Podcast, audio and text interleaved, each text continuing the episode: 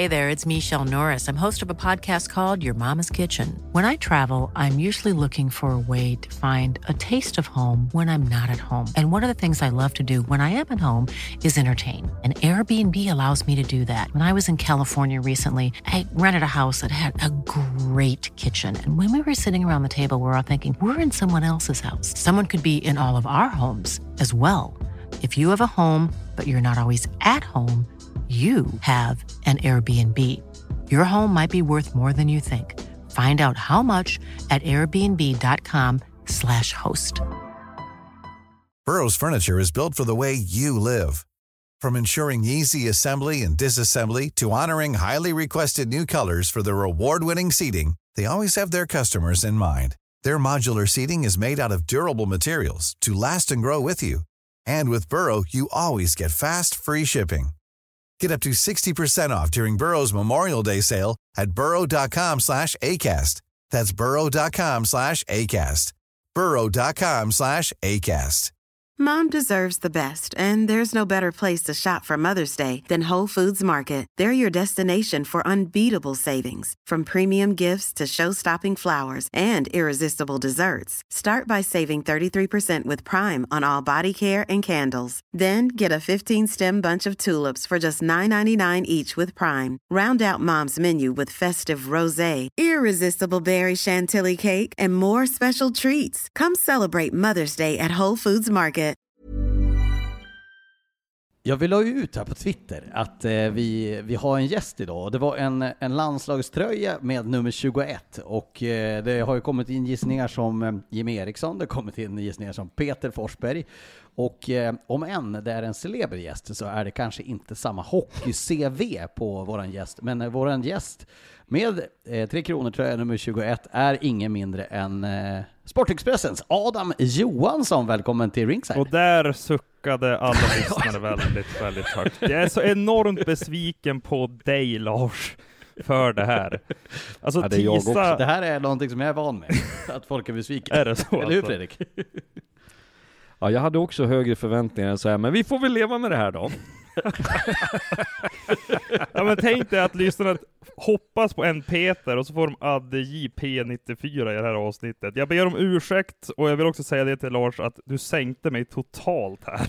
Nej, men jag, tycker, jag tror många folk tänker att men det är kul att Adam är med. Han är en kille som är bra på att surra, som dessutom har örnkoll på både ligan och hockeyn och som är mitt uppe inne i det här också. Innan vi kommer till Fredrik så Adam kan ju bara berätta, du, du vad, vad jobbar du med mest nu? Du, på, just nu är du i Gävle för eh, SDHL-finalen ikväll hörde jag. Exakt. Eh, och jag ser ju fram emot det allsvenska slutspelet här med semifinalen jättemycket, men jag tror att det Precis som för er, att man är ju inne i den här slutspel och kvalbubblan och tar man bara dag för dag och så funderar man på vilken match ska jag bevaka ikväll och vad ska jag skriva om imorgon. Så att allt fokus på SDHL-finalen Luleå-Brynäs här och nu då. Men snart HV och BIK och Modo, Löven och allt vad det är. Ja, Fredrik har fått vara ledig några dagar. Du hade ju packat ner din eh, resväska där som hade rymt en tränarduo Ja, vi har ju, ungefär och, och vi fått det hem ska inte avslöja hus. vem, men vi har ju benämnt det som att jag har släpat runt på en av de allsvenska tränarna som vi tror hade kunnat fått plats. Man får trycka ihop honom lite, men, men i den där. Men nu är jag hemma några dagar. Jag gick från eh, extrem trötthet efter så många dagar på vift.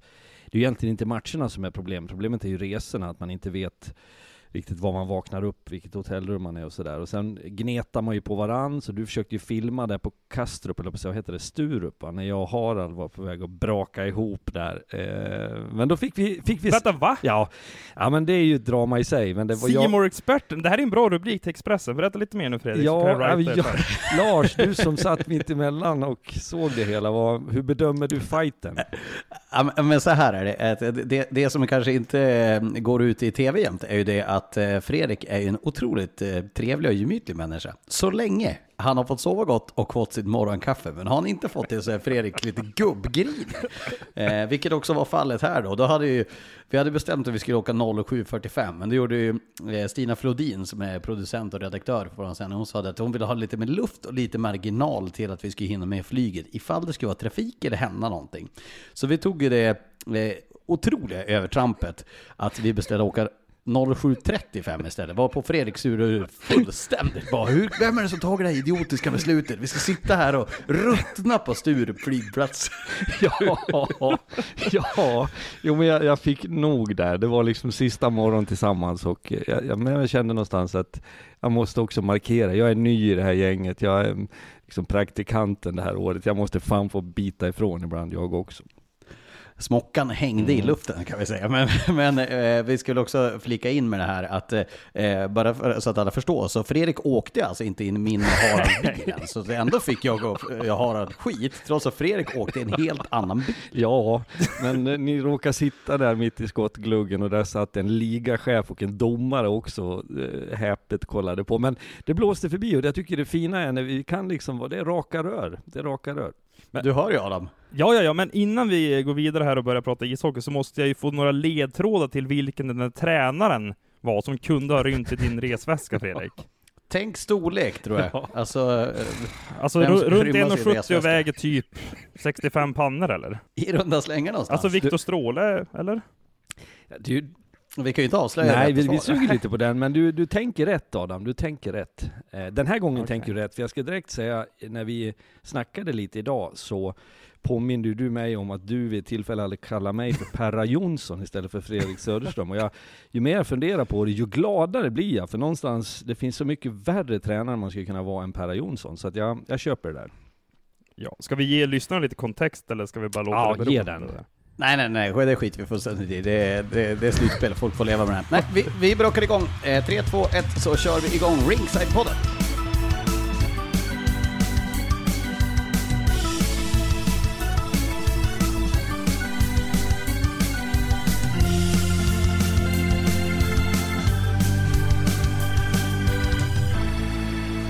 Och då hälsar vi då välkomna till kontexten då helt enkelt, det som ska vara innehållet. Och varför inte då hoppa rakt in på sak på det som gäller? Och med tanke på att vi har haft kvartsfinaler som har eh, summerats, vi har eh, säsonger som ska just göra det, summeras, och vi ska väl få någon form av tanke och eh, ja, men eftertanke och mm, känna lite grann vart det har barkat och vad som är på väg i framtiden. Så vi kan väl börja med att ta det som är färskast i minne. För Erik, om du får börja då med tanke på att vi var i Kristianstad eh, här i veckan, var det söndags, och såg eh, den kvartsfinalen summeras då, där eh, helt enkelt Modo gick vidare till semifinal efter att Kristianstad åkt ut med Modo vann 4-2 i matcher då Fredrik. Vad, vad tänkte du om den matchen? Jag imponeras ju trots uttåget av Kristianstad, det får man ju ändå säga om man ser till säsongen i sin helhet. Vi har ju vid flertalet tillfällen sagt att ja, men nu kanske man har uppnått sitt max. Nu kanske man har sprungit över liksom, sin egen mållinje.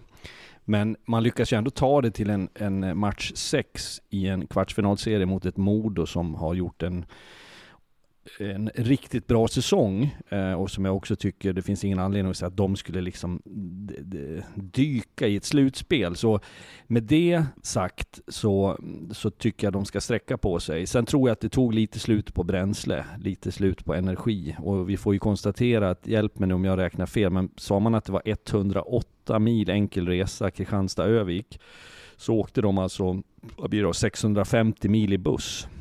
Det kan svida. Ja men, eh, då skulle jag faktiskt vilja spinna vidare på en person som inte pratas om speciellt mycket när man ska förklara Kristianstads framgång. Alltså, Micke Gat, rättmätig kandidat till att vara en av säsongens tränare. Nu vann ju Mattias Kalin det priset, men Micke Gat hade kunnat fått den utmärkelsen lika gärna. Eh, han har ju maximerat kapaciteten på det här laget, men han jag vill prata om är Johan Lindbom. Klubbchef, sportchef, rattade det föredömligt säsongen 2021 blir det, coronasäsongen. Vi ska komma ihåg det, Kristianstad, de var ju nära ruinens brant för ungefär 14 månader sedan. Och att då kunna stå här med kvartsfinalplatsen, det är mycket Johan Lindbom bakom det, så jag vill kasta in honom här i hyllningskören också.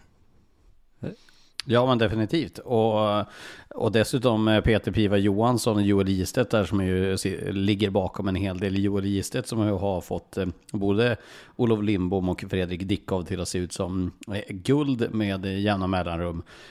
Fredrik, om vi ska summera då fram säsongen och blicka lite framåt för Kristianstad. Vad, vad tänker du där? För det, det blir ju när man får en sån här säsong så riskerar man ju att en normal säsong bli sönderköpta. Att folk säger, ja men han, han skulle kunna passa in i topplag i Hockeyallsvenskan där, där, där. Det är väl kanske några som till och med har haft SHL-klubbar som har tittat efter sig. Mm. Men kanske främst de allsvenska toppklubbarna finns ju alltid den där risken, men det, för, för uppsidan, om vi kallar det så då, för framgång, är ju att du attraherar ju fler som plötsligt tänker sig att ja, men Kristianstad kanske skulle kunna vara en bra klubb för mig. Då tänker jag både så lite yngre spelare som vill in i Hockeyallsvenskan och vill vara med och nosa på lite framgång, men också de här som kommer att bli över och när vi vet att hockeyvärlden ruskas om lite grann, att det möjligtvis kommer tillbaka fler till svensk hockey så kanske det liksom blir ett en, eh, den där juicepressen neråt. Det sker någonting så att det kommer bli folk över som kanske Kristianstad kan fånga upp. Eh, och jag tycker man har bevisat det du pratar Lindbom, du nämner övriga tränarstaben. Eh, jag tänker också att gruppen där, för det, det, fick jag en känsla, jag ville bara tillägga det, när man pratar med spelare i Kristianstad så tror jag att de har haft en ganska sund distans mellan tränare och spelare. Alltså spelargruppen har i sig blivit ganska stark. Jag vet att när vi var där i samband med någon match och jag kom dagen innan, skulle kolla på matchvärmningen, så frågade jag Gat på ett sms, när kör ni imorgon bitti? Och då sa han, jag tror att det är tio, men det är ju inga tränare där. Och det kan man ju tycka, va? Då finns det lag där man liksom har det som obligatoriskt. Nej, men då, tränarna bor inte i Kristianstad. Eh, spelarna körde lite själv och då kan man ju någonstans reflektera, är det hög professionalitet? Och det, för mig har inte det med det att göra. Det jag menar är att spelargruppen där tror jag blivit ganska stark i att ja, vi har någon potential, vi har de som vill visa upp sig, vi har de som vill gå vidare. Och vad kan man göra med det? Och i den miljön tror jag att det är ganska många spelare som skulle passa bra, så att det behöver ju inte bli sämre, det tror jag absolut inte. Nej, Lars, du frågade om hur många som kommer försvinna från Kristianstad, och tittar man på anfallet, Fredrik Dickov, han är ju redan klar för Frölunda, så han kan vi räkna bort. Jag tror även killar som Gran, Olsén, säkert attraktiva för flera allsvenska klubbar, Kristoff Kontos också. Men en liten spaning här, tror ni inte att KIK kommer titta väldigt mycket mot Troja? Som oh. åkte ur och kanske fundera på typ Joakim Hilding, skulle han kunna gå in som en andra center hos oss? Det finns ju fler spelare att nämna från Troja, men jag tror faktiskt att de kommer att norpa guldkornen därifrån. Ja, det tror jag. Frågan är om eh, spelare som typ Kevin Karlsson eh, lär väl vara huggsexa om bland ganska många klubbar i, i Troja. Öhmanbröderna vet jag inte riktigt hur, hur de tänker kring sin framtid. Det är väl också potentiella namn som skulle kunna gå till ja men typ ett lag som Kristianstad. Och för Kristianstad, det som man ska se med, det har vi sagt flera gånger under säsongen, men det, det som har varit deras styrka den här säsongen är att de har ju tagit spelare som har haft eh, ja men där kurvan i deras karriär har kanske varit på väg lite utför. Där eh, var det lite oönskade från andra klubbar att tagit sådana som man har sett potential i tidigare. Som har vridit om sina karriärer till att nu helt plötsligt ha en karriärskurva som pekar uppåt. Eller vad tänker du Fredrik? Jo, och då får man ju också undvika det. För det finns ju alltid något kittlande i att ta Eh, nu sätter jag inte Hilding i den kategorin, för jag tror att det, det, skulle kunna vara ett tänkbart namn. Men det finns ju i lite andra allsvenska klubbar, de här som börjar bli närmare 30, som blir över, som kanske inte får komma till Schweiz, Österrike, Tyskland. Som man skulle kunna tycka att det där vore ett bra namn för oss. Men om du kommer med fel attityd, för jag tror inte du kan slida in i, i Kristianstad och, och vara med, utan där ställs det höga krav, de vill förändra en kultur och då måste du ändå ha en även om din kurva på något sätt är på väg ner, sett på ett sätt, så, så måste din ambitionsnivå fortfarande peka uppåt. Eh, sen ska vi komma ihåg att Kristianstad, de har inte den största spelarbudgeten. Jag kan tänka mig att den ligger runt 6 miljoner på en säsong, i alla fall den gångna här. Alltså två faktorer som kommer att bli väldigt viktiga för dem. Det är ett, att samarbetet med Rögle fortsätter. Där har de ju plockat Kalle Klang och Fredrik Dickov här på de senare åren. Och nummer två, att de fortsätter att utforska Hockeyettan. Jag tycker att det är många ja. allsvenska klubbar som underskattar hur bra den ligan faktiskt är och vilka spelare man kunde kunna snappa upp från tredje serien i, i Hockey-Sverige. Så fortsätt med det, då tror jag att det kan bli framgång även här under säsongen 22-23 framöver. Det vet jag inte hur bra koll ni har, men min kunskap om Hockeyettan är ju otroligt liten med tanke på att jag eh, har så mycket med SHL och Hockeyallsvenskan så att jag lägger ingen energi alls där i princip. Men eh, med samma sätt som att man sett att Hockeyallsvenskan är lite närmare SHL, det är ganska många spel som kan gå från Hockeyallsvenskan och göra, ja men sätta avtryck i, i SHL. På samma sätt känns det ju som att vi har sett att Hockeyettan har kanske kommit närmare Hockeyallsvenskan. Att, eh, att glappen mellan ligorna, att det har minskats lite grann, vilket gör att folk får börja reta leta i de dammarna Så enkelt. är det tveklöst. Och jag, jag är den första att säga precis den där parallellen. Om vi pratar om här i SHL som, som kommer från Hockeyallsvenskan som har gått bra, som till och med till topp toppar, och nu pratas om NHL, så tror jag att du har Hockeyettan-spelare som, men då, då handlar det om att du, du kan inte värva liksom en, en, en poängkung från Hockeyettan och spela en fjärde i Allsvenskan. Du måste Exakt. hitta en roll och liksom våga tro på dem, satsa på dem, få någon slags uthållighet. För att helt klart finns de där. Och det är också så här, för där har du en nyans ytterligare i att kommer du från Hockeyettan och får ett kontrakt i Hockeyallsvenskan, det behöver inte vara så jäkla fett, men du kan leva på hockeyn. Det är viktigt att man liksom, eh, för nu är de snickare och de de, de håller på med betongjobb och de är elektriker och de kör varutransporter och får liksom slita, komma ner till träning på eftermiddagen. De, de får ju inte liksom pröva sina vingar fullt ut och kan de få den effekten i Hockeyallsvenskan genom ett avtal, det kan bara i sig det vara en framgång. Ja, och det finns ju rejäla bevis på att det ändå är spetsspelare i Hockeyettan som kan gå upp i seriesystemet. Alltså jag tänker på Joel Persson, nu är han väl ett unikum, men att han gick direkt upp till SHL, och där hade ju Växjö en tydlig plan för honom, att i den här spelaren du är, då ska du också sätta in i den här rollen, precis som Fredrik är inne på. Jag vet att när Oskarshamn tog Patrik Karlqvist från Modo, det var väldigt många som var skeptiska, det här är en trumma som många har slagit på, är att kommer hans fart att hålla i SHL? Men Filander var ju väldigt klar och öppen med honom att, okej Karla, du ska vara en topp 2-kedja, du ska spela första PP, du ska göra exakt det du har gjort i Modo under alla år. Och nu ser man ju på framgången här. Sen är ju inte det såklart kanske applicerbart för alla spelare som går från Hockeyallsvenskan till SHL eller Hockeyettan till Hockeyallsvenskan. Men att man redan under försäsongen börjar bygga de här spelarna och prata med dem. Här i hierarkin ligger du, rollbeskrivningar som sådan. Då tror jag att man på något sätt ger sig själva förutsättningar att kunna lyckas med de spelare man tar in.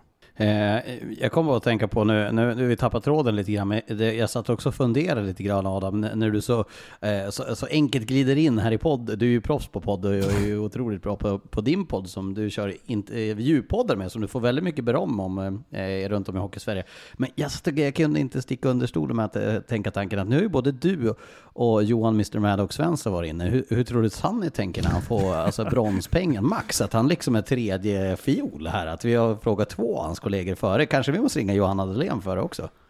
Ja, det tycker jag. Alltså pallen är ju Svensson, Johanna är ju silverplats och sen är jag bronsmedaljör. Sanny precis utanför, det är så jag ser. Jag är ju en fattigmansversion av Johan Svensson. Det är inte helt fel beskrivning kanske. Vi får se hur det kommer att tas emot från eh, Sanny på vägarna. När han kommer att sätta någon form av kaffekopp i halsen när han sätter, sitter och kör mellan sina arenor och eh, nu i slutspelet. Eh, Men Kristianstad, summa summarum så tror vi att, eh, att Kristianstad kan ha en ganska bra säsong i Hockeyallsvenskan även nästa säsong. Det tror jag verkligen. Jag tror att man lär sig galet mycket på det finns olika faser när du etablerar dig på en viss nivå. Det, det är en nykomling, du ser till att äta dig kvar, det var med minsta möjliga marginal. Nu fick man vara med om lite framgång och då, då höjs ju liksom kravbilden, ehm, förväntningar, allt som följer med det tror jag har varit hälsosamt för Kristianstad att gå igenom. Sen tror jag ju inte att de i, på en upptaktsträff i september kommer stå och säga att nu är vi redo att gå upp i SHL. Men de kommer åtminstone kunna brösta upp sig lite mer med större trovärdighet. Mm. Och för att vi inte ska bli allt för långrandiga här så tänker jag att vi måste gå vidare till kommande Jag lag, vill bara säga det lite kort till- här för att det ska bli Ja. dynamik och att jag och Fredrik inte ska sitta och tycka samma sak. Kristianstad, de faller totalt till nästa säsong. Det var en one season wonder 21-22. Oj, De kommer bli oj. mellan 10, 9 och 11 säger jag. Notera det här då. Nu är det bara att du skyddar dig från vindkraftverken på Skåneslätten nästa Ja, säsong. En Jag tror att. KIK-supporter Max kommer börja jaga mig nu. Ja, han vet ju. Han har ju dessutom varit uppe i Övik en hel del, så han, han vet Han också bilade ju med mig och Svensson upp dit i också. Då var det trevligt och gemytligt, men jag kan tänka mig att efter jag sa det där, då kommer han att ta bort mig från kontaktlistan direkt. Det är som Olof Lund brukar säga i sin podd, att det blir som bäst när det skaver lite grann. Och det Mm. har ni faktiskt en poäng i. Eh, jag tänker att vi rullar vidare. Ska vi ta Västerås eller Mora först? Då tänker jag att vi går på Mora. Eh, för Mora åkte också ut då efter att ha förlorat ett kvartsfinalserie mot Karlskoga. Och eh, Mora har ju också du följt eh, nära och väl Adam de senaste åren. Och jag tänker att du får börja där lite grann och summera. Det är ju fördelaktigt för Mora att det låter som att eh, Ljunggren har förlängt, Måns Karlsson har förlängt, det snackas om att Wernbloom blir kvar. Eh, och dessutom så tror jag väl att Johan Persson borde väl förlänga han också. Det borde ju göra att man har någonting att bygga på inför framtiden i Mora också. Ja, och det den osäkerhet som råder i Europa just nu med efter Rysslands invasion i Ukraina och vi vet inte vad som händer med KL. Det är ju, en av klubbarna som gynnas av det är ju Mora. Annars tror jag att killar som Ljunggren, Lukas Wernbloom, ja men Axel Bergqvist är ju redan förlorad, han har ju signat för Färjestad, men det finns ju andra i Mora som rätt många klubbar skulle kunna titta på ändå. Eh, jag är ändå besviken på vad Mora uträttar den här säsongen, och det är inte bara för att jag vågar sticka ut hakan och placera dem som etta i mitt tabelltips ja, just det ja. Eh. Så var det ja. Ja, nej men jag, jag får sätta mig här med, med skämskudden. Men jag, jag tycker ju att det fanns en kvalitet där eh, Eh, för topp 4 och att de skulle kunna tagit sig till semifinal. Forwardsidan gillar jag väldigt mycket. Jag tycker att de var naiva på backsidan inför säsongen, att de inte tog in en försvarsgeneral. Nu plockar de in Seigo under säsongen och det föll väldigt väl ut, men de borde ha prioriterat den ännu mer. Sen målvaktsspelet skälpte de ju från början. Både Ward och Ljunggren var inte tillräckligt bra. Eh, Ljunggren såg jag ju kunna vara första målvakter att han kunde växeldra lite med Ward som kanske en, ja det kanske kunde ha varit en 60-40 fördelning, men det är ju Ward som har tagit första spaden. Allt som allt ändå, innan jag släpper över till Fredrik, så tycker jag att visionen som Mora har nu, där de ska tillbaka till SHL, och det finns ett tryggt fundament med de här stöttepelarna på spelarsidan, och även Johan Hedberg som jag tycker är en väldigt bra ledare. nu vet att han får kritik för sin matchcoachning så tror jag ändå att Mora är en klubb för framtiden här och att de kommer kunna vara högt upp i serien framöver. Jag tycker väl att de största frågetecknen, du touchar vid det där lite grann, det är ju, det är ju två år i rad som jag förstår det. Jag följde inte så nära förra säsongen, men har man varit liksom tröga i starten och då ska man nog verkligen fundera på vilka skälen till det är. Ett är ju att man haft för tunn trupp, för, för, liksom för få bra ledande spelare. Så har man korrigerat det under säsongen, men jag tror inte för att säga att det automatiskt skulle vara så, men hade Mora varit ett givet topp 6-lag, alltså femma, sexa någonstans, så hade man ju varit i en kvartsfinal på lite andra premisser på ett sätt och hade kunnat tävla. Jag tycker man fäller kroken på sig själv. Sen kan jag förstå om det handlar om ekonomi, att man inte har förutsättningar liksom att, att lasta på från start. Eh, sen att man blir bättre hela tiden, som jag har tjatat om några gånger, jo men det är ju vackert, men om man inte blir tillräckligt bra i slutändan så ska man naturligtvis fråga sig varför tar vi liksom inte nästa kliv? För att någonstans känns det ändå så som att åtminstone i min bild, tittar du på de lagen som är 1-5 nu, som har etablerat sig mer som ett givet topplag, så ska du knacka på den dörren så krävs det mer. Lite känner vi också lite grann den här konkurrensen som är i toppen som du är inne på Fredrik, lite grann att det är kanske det som är det tuffaste för Mora för att nålsögat mot SHL blir ju tunnare och tunnare. Ponera att, eh, ja vi vet ju att ett av de här fyra lagen går upp, det är ju en hel del som talar för HV71, men eh, även nästa säsong så kommer ju Västerås elda på, Björklöven kommer elda på, Modo kommer elda på om de inte skulle gå upp den här säsongen, säger då som rasklapp. Eh, samma sak Karlskoga kommer ju det luktar ju åt att Gustav Torell eh, återvänder dit, man kan bygga inför framtiden även där, där unga spelare har ju sett att man får en positiv utveckling i Karlskoga. Samma sak Djurgården kommer ner, då kommer AIK att ladda där de redan har gjort. Vi ska prata om det senare i programmet här. Att det blir ju så många grejer till. Södertälje vill vara med i toppen igen. Det, det, det, är så många som blandas in och det är väl lite grann det som talar emot Mora. Att eh, har man musklerna att kunna mäta sig mot de andra som också laddar. Jag håller med fullständigt där Lars, det är väldigt många om den där SHL-biljetten. Och sen, alltså även hur mycket man uppskattar de små klubbarna med de små ekonomierna, så finns det ju alltid ett samband där mellan de som betalar bäst och de som är framgångsrika. Och Mora är inte en klubb som har de fetaste lönerna. Jag vill minnas att när jag pratade med Peter Hermodsson efter fiaskosäsongen 1920, eh, efter att de hade åkt ur SHL och laddade om i Hockeyallsvenskan, då spenderar de runt 12,5 till 13 miljoner. Och ser man till toppklubbarna i Hockeyallsvenskan, jag menar Modo har gått ut med att de har 16 miljoner i sin spelarbudget. HV71 ligger över 20 miljoner alla dagar i veckan. Det finns fler att nämna där också som ligger mellan kanske 14-15 och uppåt. Och frågan är om Mora i Hockeyallsvenskan någonsin kommer att nå dit, så de kommer hela tiden behöva överprestera mm. för att ta de där toppplatserna. Och frågan är hur, alltså hur länge är det hållbart? Eh, innan man till slut får slut på soppa. Nej men det, du har helt rätt och jag, jag tänker bara så här, det, det, sådana exempel har vi ju sett. Jag tror att vi mer skärmas av det där om vi tittar på Oskarshamn till exempel i SHL nu som gör det eh, ohyggligt bra på så många sätt.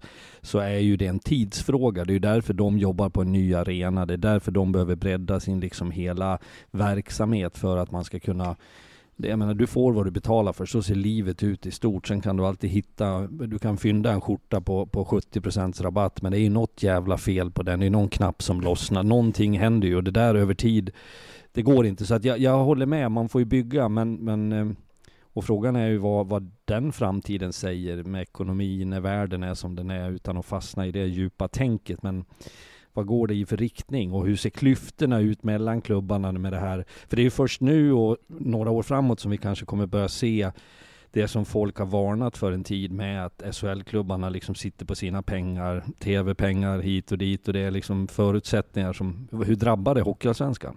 Jag tycker att det här samtalsämnet är jätteintressant och jag menar, ska man prata om hockeyhumlorna, ska vi sätta den rubriken på Mora och Oskarshamn, alltså de som egentligen inte ska kunna flyga på den nivån men ändå lyckas med det. Mm. Eh, kanske mer lämpat för Oskarshamn i det här fallet då.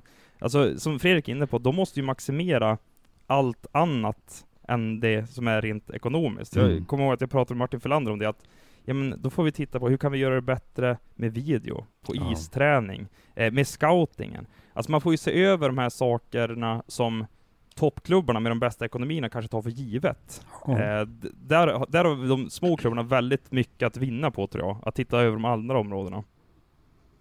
Eh, lite det var ju Mikael Gat inne på också när vi summerade säsongen efter matchen i söndags. Att han var ju väldigt ärlig med det, att vi har ju träffat rätt med i princip alla nyförvärv. Och det är ju lite grann det att man har inte, ja, man har inte lyxen att kunna eh, gambla på samma sätt och den måste träffa. Som Karlqvist, liksom, det var ju tvungen att lyckas. Den backsidan i Oskarshamn var tvungen att lyckas eh, och vara, alla var tvungna att vara lite Exakt. bättre än det namnet som värvade. Det är därför jag tror att KIK ju... kommer totalfloppa, för att de kommer inte ha det där utfallet nästa år. Men där ska ju också... Fredrik, det, vi, har, vi har en mer som är än mer skeptisk till Kristianstad. Jag har ju varit med på att den här båten, pluggen, är ryckt där i januari någon gång. Men Adam är ännu Ni kan ju starta någon sån Facebook-klubb ni två då. Men jag ska alltså, också... Innan det här avsnittet är slut, då kommer KIK ha åkt ur Hockeyallsvenskan 22-23. Man fortsätter här nu.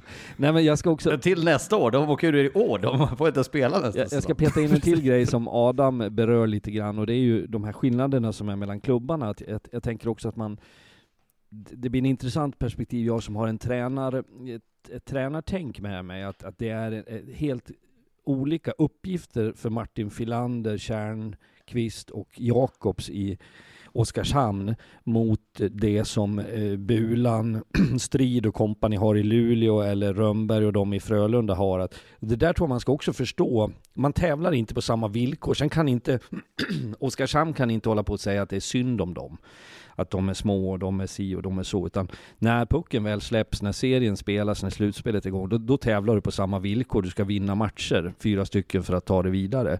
Eh, men man kan ju reflektera över det där och då tror jag att det är oerhört viktigt att respektive klubb gör rätt val, både på tränare och sen på det vi var inne på förut, på spelare. Och det var därför jag Ja, det har jag sagt förut, men sån som Karlqvist som kommer till Oskarshamn och gör succé. Och det hade inte han gjort i Frölunda. Han hade inte gjort det i Luleå för att han har inte fått den platsen, den positionen och det förtroendet. Så att det, det här påvisar ju bara hur komplext det här bygget är.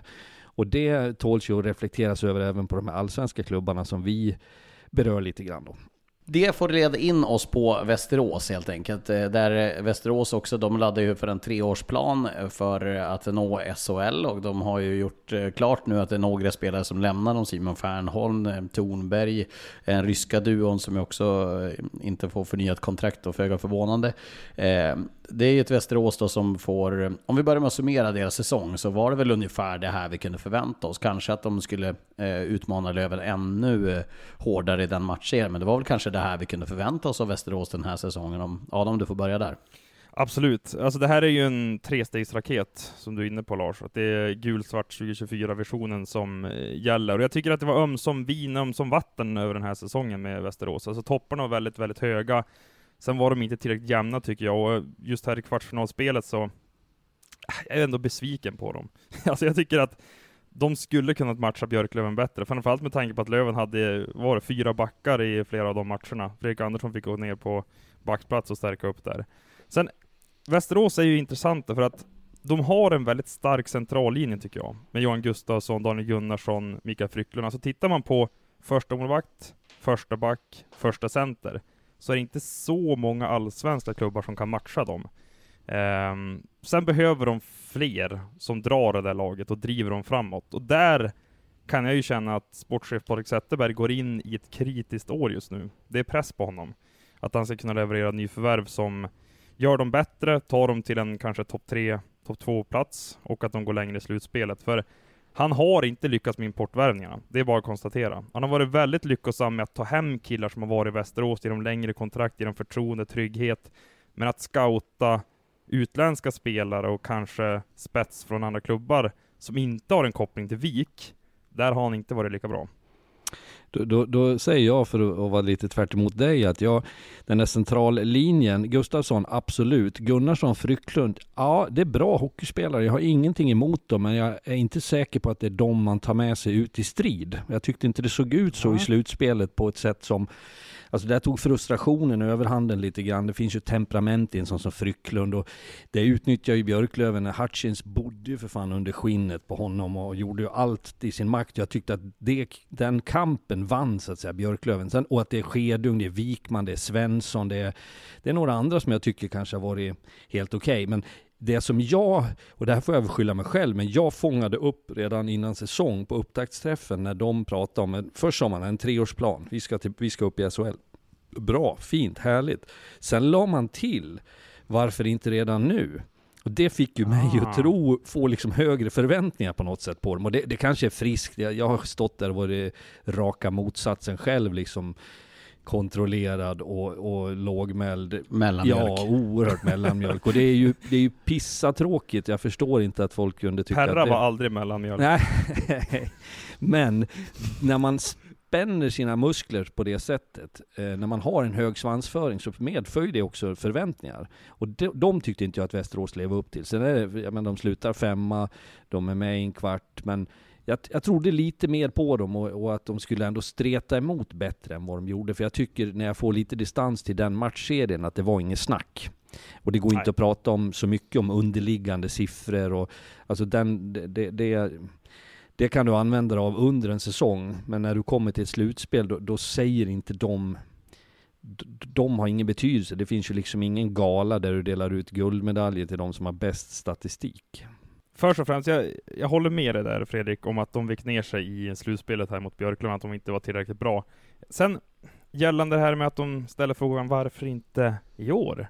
Ja. Så nu kanske jag är lite cynisk här och så, men tror ni inte, du har ju varit i flera klubbar Fredrik, så är, är det inte så här man kanske prata lite utåt för att sponsorerna ska hoppa på. Så är det. Att, ah, okej, okay, vänta här nu. Kan ni gå upp i SHL redan i år? Ja, men jag lägger till två miljoner till så kan du kasta helt, det på en bra forward. Helt rätt. Men till slut så kommer ju sanningen i fatt. Du kan inte hålla på så i 25 år, för då börjar ju någon till slut, någon, någon smartskalle och säga, men för fan, det här har ni ju stått och sagt förut. Nu måste ni, måste ni leverera också. Så att, men det, du har helt rätt, det är, det är ju attraherande och sen är det ju vi, nu har jag äntligen börjat säga vi i media. Jag är ingen journalist, det är väl ni Eh, väl säger jag, men ja, jag, jag är bara med och tycker lite. Men jag tror att det älskar ju media när någon sticker ut hakan lite grann och är lite mer liksom framåtlutad det får väl summera det vi vet om Västerås och summera lite grann vad vi har tyckt om Västerås. För nu måste vi ändå gå in på elefanten i rummet som jag misstänker att det är väldigt många är nyfikna på. Det, det, som vill. Ja, den här bilden på Fredrik från eh, i, i lördags natt.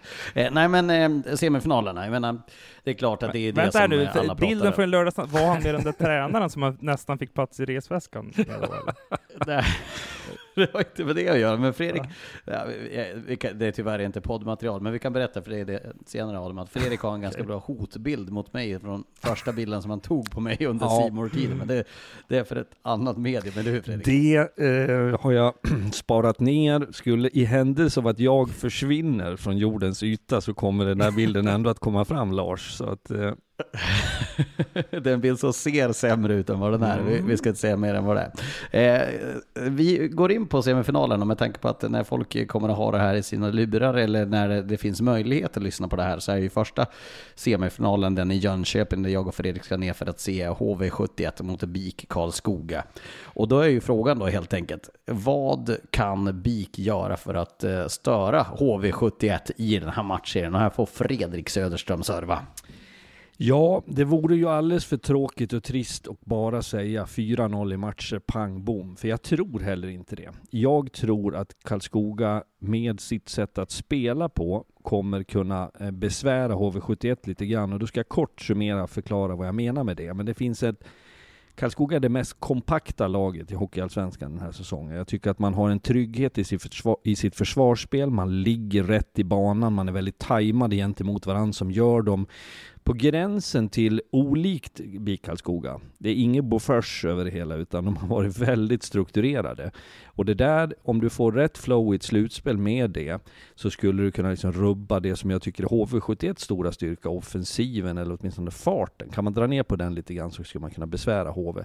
Sen hävdar jag ju fortfarande att HV71 kommer vinna den semifinalserien. Jag, jag tänker väl också att på något sätt så måste väl Karlskoga hitta på, eh, men ska de spela en rak match mot HV71 eh, så måste de göra någonting annorlunda. För HV71 är ju bättre om det blir en öppen matchserie där det liksom böljar fram och tillbaka så kommer ju HV71 att vinna den här. Det känns som att ska man slå HV71 i den här serien så måste man göra ja, men någonting i stil med vad Färjestad har försökt göra med Skellefteå i semifinalserien i SHL. Att man går in på skinnet och man försöker hitta de här, de som kanske inte är så slutspelsvana än som som eh, Tyler Kelleher eller en eh, sån som Miles Powell och verkligen få den att tappa eh, konceptet fullständigt. Man måste ju göra någonting annorlunda, och, för det går inte att slå HV71 om de får spela på sitt sätt. Man måste ju försöka alternera sin matchplan och slå dem på ett sätt som de inte ta matchen dit HV absolut inte alls vill ha den. 100% är det ju så, och det är därför jag gillar att Åke Stakkestad, nu minns jag inte vilken tidning han sa det här, men att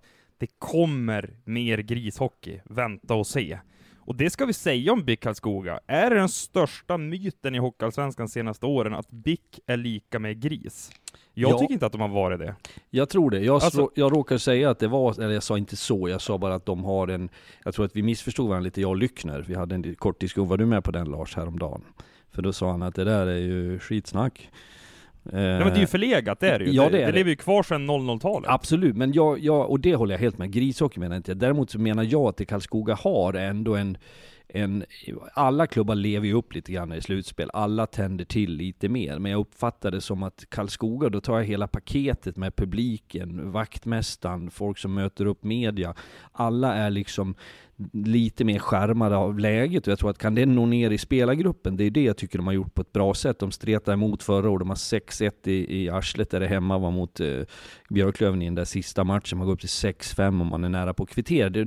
De har en kulturell förmåga. Sen kanske det där är skitsnack av mig, men då lever jag med det skitsnacket. För jag, jag vill åtminstone tro att det är så. Men ska ju också sägas till, till förra säsongen, det, det som Karlskoga hade förra säsongen var att de hade kanske hela Hockeyallsvenskans bästa kedja i, i Björklund, Torell och Linus Karlsson. Det har ju inte Karlskoga Nej. den här säsongen. Nu har de ju, eh, okej, okay, Henrik Björklund är fortfarande, men det, det, känns på något sätt som att Henrik Björklund fortfarande störs av någon form av skada. Eh, och det är klart att honom kommer ju HV att vara på då i sin tur med Torp och, och Bertov och, och så vidare. Men eh, den spetsen tycker jag att eh, Karlskoga saknar. Däremot är jag helt med Fredrik om att eh, Karlskoga har en väldigt, väldigt bra defensiv som ju minst sagt kommer att bli prövad nu. Men nu när vi har en ex-tränare här, det kanske att du ska återuppta den karriären senare Fredrik, jag vet inte, men alltså skulle man inte i BIK-lägret idag prata så här, alltså hörni, vi är ju den fula ankungen här. Alltså HV71, Björklöven, Modo, de spenderar mer, de är större klubbar. Djurgården har åkt ur SHL. Ingen vill se oss där uppe. Alltså att man får in den här vi mot världen-känslan till 100%. För det håller jag ju med om att, alltså tar man Nobelhallen, alla ståplatser där, alltså det är ju gamla tidens ishockey. Kan de slå på den trumman i den här semifinalen, då tror jag mycket är vunnet för dem mot HV71 faktiskt. Det är det ju. Det är egentligen, där prickar du in det jag försökte säga, men hade 14 minuters monolog för mig alldeles nyss. att det är ju liksom den där fula ankungen som är deras styrka. De vet om att man inte räknar med dem. Vi träffade en en höjdare i svensk hockey i SAS-loungen för att imponera. Och då ska jag säga att jag kommer inte in i den, jag får gå med som gäst på Harald Lyckner, så att inte ni, någon lyssnare tror att jag får vara där. Eh, men som sa till oss så här, jag berättade att det var en gammal idrottsledare för, säg 10-15 år sedan som hade sagt att hans värsta mardröm var att Bofors skulle gå upp i elitserien. Eh, och det, det, var väl liksom grundat på eh, då det faktum att, jag menar, arenan, eh, he, hela liksom utstrålningen som finns över Karlskoga är ju lite på landet. Jag, jag och vi, många med mig, tycker om det där och, och skärmas av det, men det, det stör ju den här eh, formella prosecco, röda mattan, slipsen knuten attityden som har funnits runt hockeyn ibland. Jag gillar att du får in prosecco där, det har man aldrig hört när man ska förklara elitism. Då brukar man liksom prata om att det är plastigt och så vidare, men prosecco, ja det gillar jag, det ska jag börja använda. Pro, prose, Prosecco-ligan. Prosecco-ligan SHL, är SHL. Prosecco-ligan. Proseccon mot Pommac-ligan Alltså jag får så mycket Expressen-material här. Simor profilernas känga mot SHL. Ja. vi måste ju försöka hitta någonting kul i alla fall. Eh, men känner vi oss klara med den? Eller ska vi gå in liksom så här, ja men Lars Wolde, en superbra målvakt, vi har en backsida i, i Karlskoga, frågetecken på Henrik Larsson, vad är hans status liksom? Får, får jag han, säga två saker kan han innan vi blomma lämnar? under säsongen? Nu bryter jag in här, förlåt, men jättebra att du tar upp Volden, för jag tycker målvaktskampen, där, ska vi prata saker som talar för BIK Karlskoga så är det ju ändå målvakten. Jag tycker att de har haft seriens bästa målvaktspar, det är väl Björklöven där med Endre Voutilainen som kan konkurrera. Jonas Gunnarsson, alltså tittar man på hans siffror, han hade 82 i räddningsprocent i skottsektorn under grundserien. Han är nere på drygt 70 bara i slutspelet här. Det tycker jag är oroande siffror faktiskt för H71 del. Och så nummer två här som jag vill flika in också, någonting som talar för Bicken. Det är att de har ju kanske mest underskattade tränaren i hela Hockeyallsvenskan, Karl Helmersson. Jag tycker han är alltså riktigt, riktigt vass. Och det kommer vara en SHL-tränare inom en snar framtid. Om det är med Bick eller någon annan klubb, det får vi väl se. Jag måste bara flika in där. Jag var och kommenterade Skellefteå mot eh, Färjestad i tisdags och då, då stod jag och Johan Thornberg, vi hade tagit, oss, tagit av oss lurarna och vi skulle som summera kvällen. Men då kom det förbi en polis där och, och jag, det tog en sekund när jag förstod vem det var. Då var det ju Per Helmersson, den före detta spelaren som numera är polischef. Och då sa jag det till Johan Thornberg, var det inte skitkul om vi ska, vi ska göra en sån här ståuppa som det heter på tv-språk, när vi pratar om matchen som sen skickas till studiosändning som de kan spela ut inför förlängningen där i Göteborg. Och då sa jag, det var ju skitfräckt om vi hade haft med Per Helmersson i full så här, ja men tänk dig SWAT-team-utstyrsel inför ståuppan där. Kolla här, här har vi Karl Helmerssons bror, Per Helmersson för detta elitspelaren. Vad säger du om eh, matcherna? Men fick inte igenom riktigt den tanken, om men det charmerade Men vänta, var det Simon eller var det Per som sa nej? Ja, det var nog kanske mitt bakhuvud som insåg att det här kanske inte är en så bra idé som jag faktiskt kände först. Driv igenom det till nästa säsong.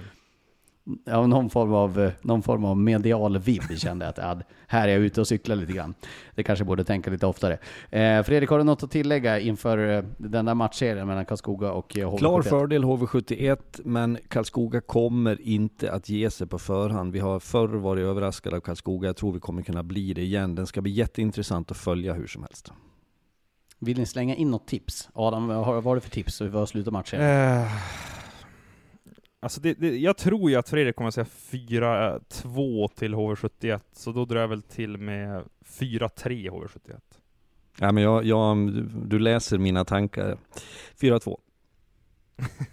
Och jag säger 4-1 till HV71. Jag tror faktiskt att eh, Karlskoga, Ehm, jag tror faktiskt att de kommer att få ännu kämpigare än vad de tror. Eh, en grej till med det här, en grej som eh, alla vart ju lite så här, ja men vad kul att Tommy Samuelsson valde att möta Karlskoga med tanke på att det blir en eh, söderserie, det blir en norrserie. Alla är väldigt glada över det tror jag, för att med tanke på också digniteten av den andra semifinalen, vi kommer till det.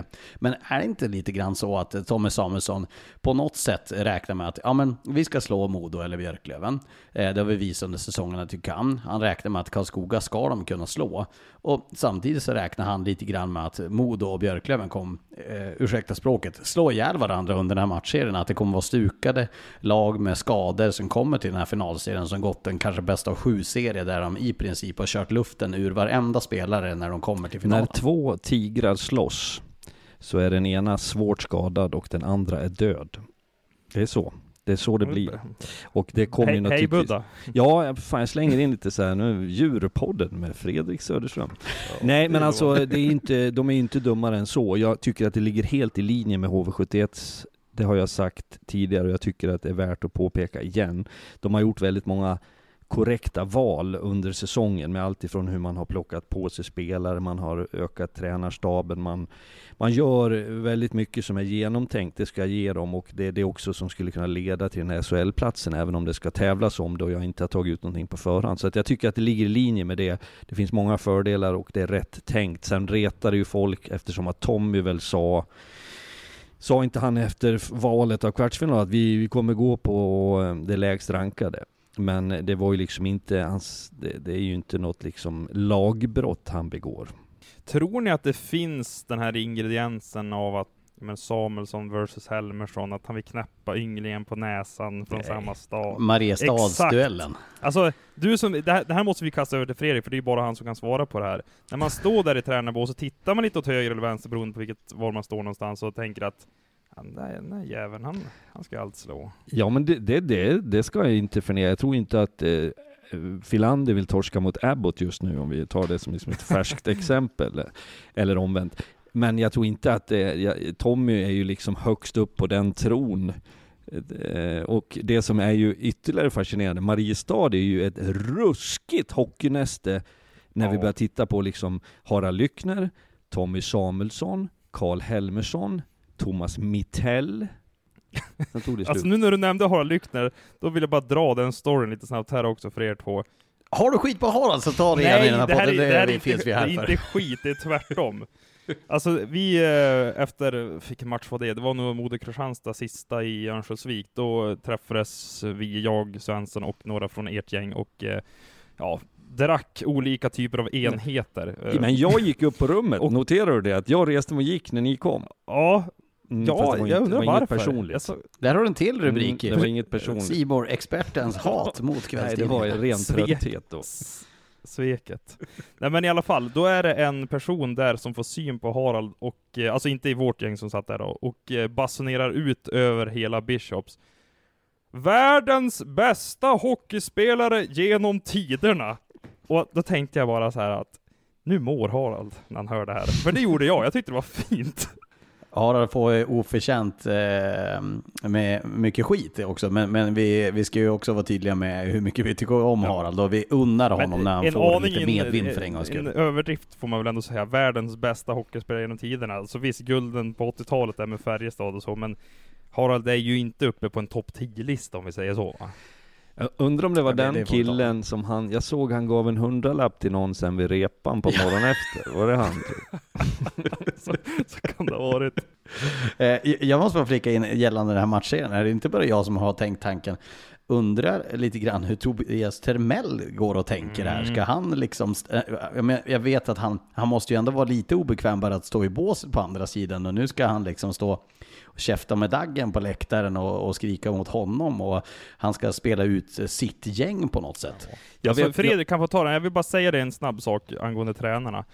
Alltså har vi sett ett lag haft tre heltidsanställda tränare som HV har i Hockeyallsvenskan tidigare? Alltså jag tänker på Stillman, Termell och Samuelsson.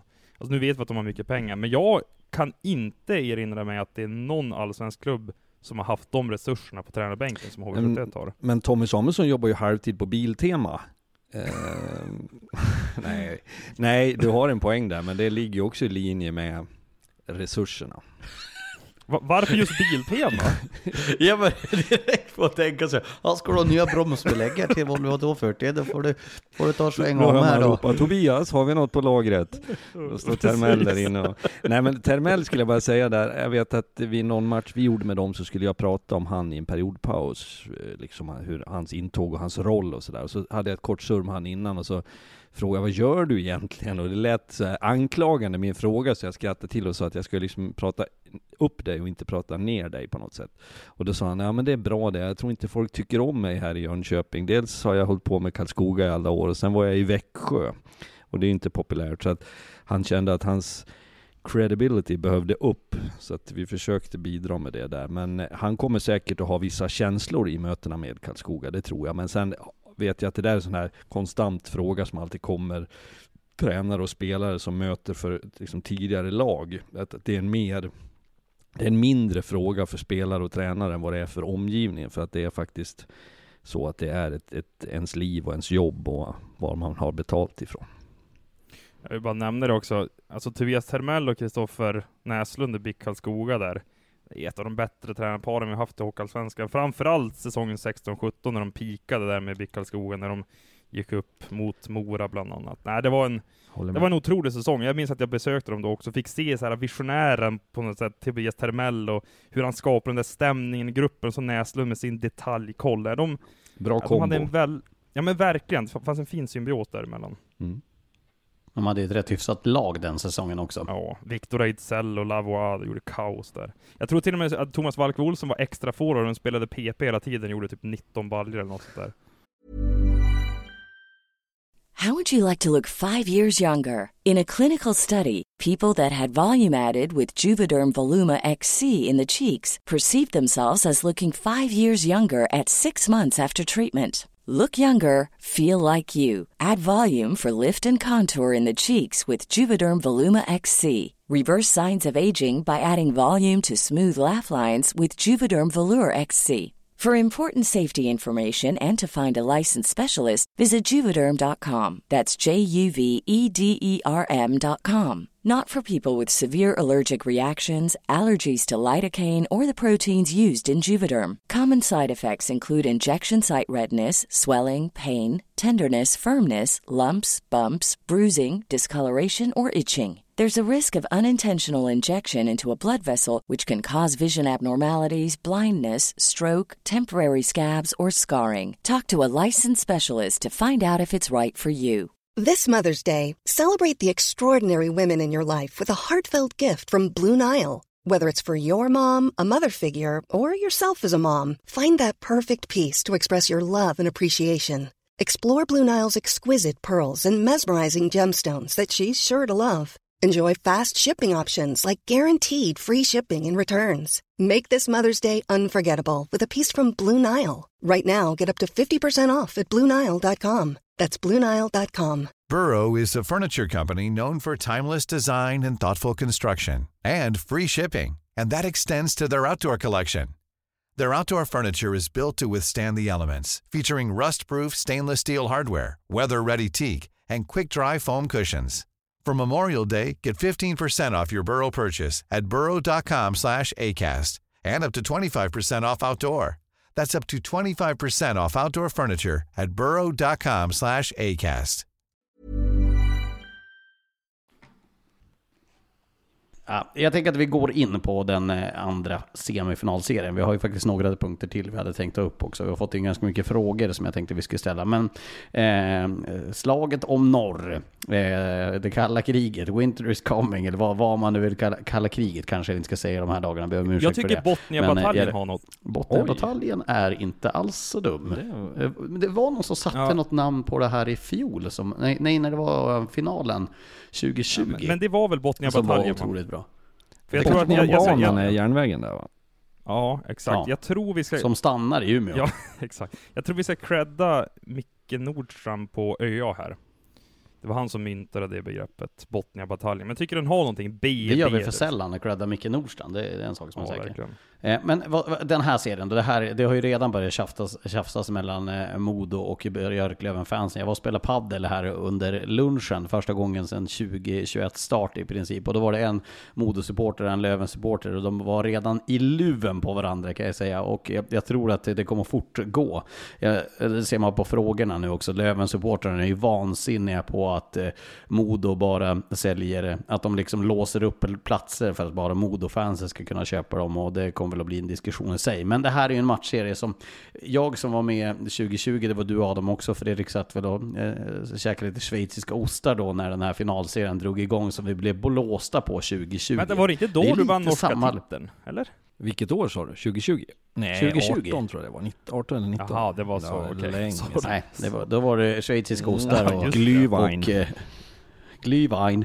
Eh, nej, men, och den matchen, alltså, jag menar, den hade ju allt den första matchen, verkligen allt. Men eh, nu får vi väl tillbaka det, om än det är en semifinal. Men skulle det vara så att de möter HV71 i en final, då, om vi skulle gå händelserna i förväg, så blir det lite samma sak. Att det, här blir den hockeyallsvenska finalen, där man då ska möta ett HV71 som får ses i mångt och mycket som vara SHL-mässiga. Eh, nu eh, blir det här lite taskigt mot Karlskoga, men, men det är väldigt många som tippar HV, så jag hoppas ni ursäktar mig i den där formuleringen. Men det är ju en matchserie som som eh, Ja men det är ju så spänt och det är så laddat och det är så upplyst och det känns som att det kommer bli hur häftigt som helst. Adam, du som ju bor i trakterna får börja här lite grann också. Du är ju eh, som mig norrlänning och eh, känner jag vibbarna här på ett helt annat sätt. Verkligen, så är det. Ehm, jag skulle bara vilja säga att det, det finns en distinktion där, när du drar en parallell till 2020-serien.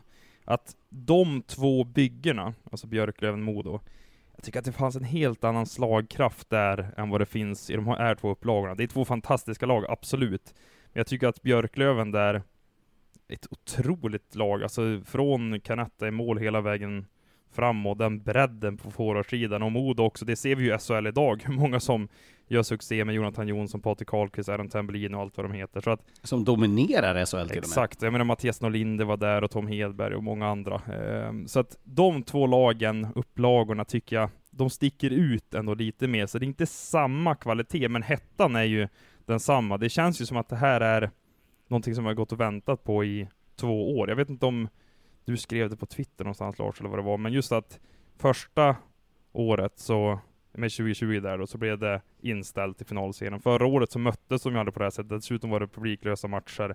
Nu får vi den här serien, Botniabataljen, som vi gått och väntat på. Så att jag tror att det kommer bli minst sex matcher, det kommer fullsatt på i både Hägglunds Arena och uppe där i, vad heter det nu, A3? Nej, nej Winpos Arena. Winpos Ja, Arena. det. Alltså det, det är mycket att se fram emot, helt klart. Jag eh, är ju oerhört spänd och taggad på den här matchen ska jag säga. Och det är för att jag har inte upplevt den över en sån serie på samma sätt som ni har gjort. Jag har följt de här lagen, jag har varit med och mött dem, jag har liksom min bild av dem. Jag älskade Matti Pauna i Björklöven när jag var barn. Det var min stora idol i Björklöven. De vann väl guld 87 va? Då var Fredrik 10 år. Sen var Modo uh, vansinnigt bra, så jag säger det så jag inte får arga mejl från Övik, att de har också liksom passerat någon fas uh, på, på den perioden. Så att jag har ju ett, ett neutralt förhållande till två lag som jag tycker gör det bra, som har gjort en fin säsong och nu brakar man samman i en semifinal med allt vad det innebär. Det är egentligen tre områden som jag tittar lite på och tänker. Det, för det första underhållningsvärdet på det, sett liksom för en tv-tittare, för en hockeysupporter, för att sitta i publiken eller för oss som liksom jobbar där. Den ser jag fram emot. Det, det fysiska och karaktären är jag nyfiken på. Vilket lag klarar bäst att brösta upp sig när man möts så tätt på som kan komma under skinnet på varandra, som kan klara av att få en smäll utan att slå tillbaks och dra på sig den där tvåan som målet kommer på. Vilka orkar att prestera hockey dag efter dag.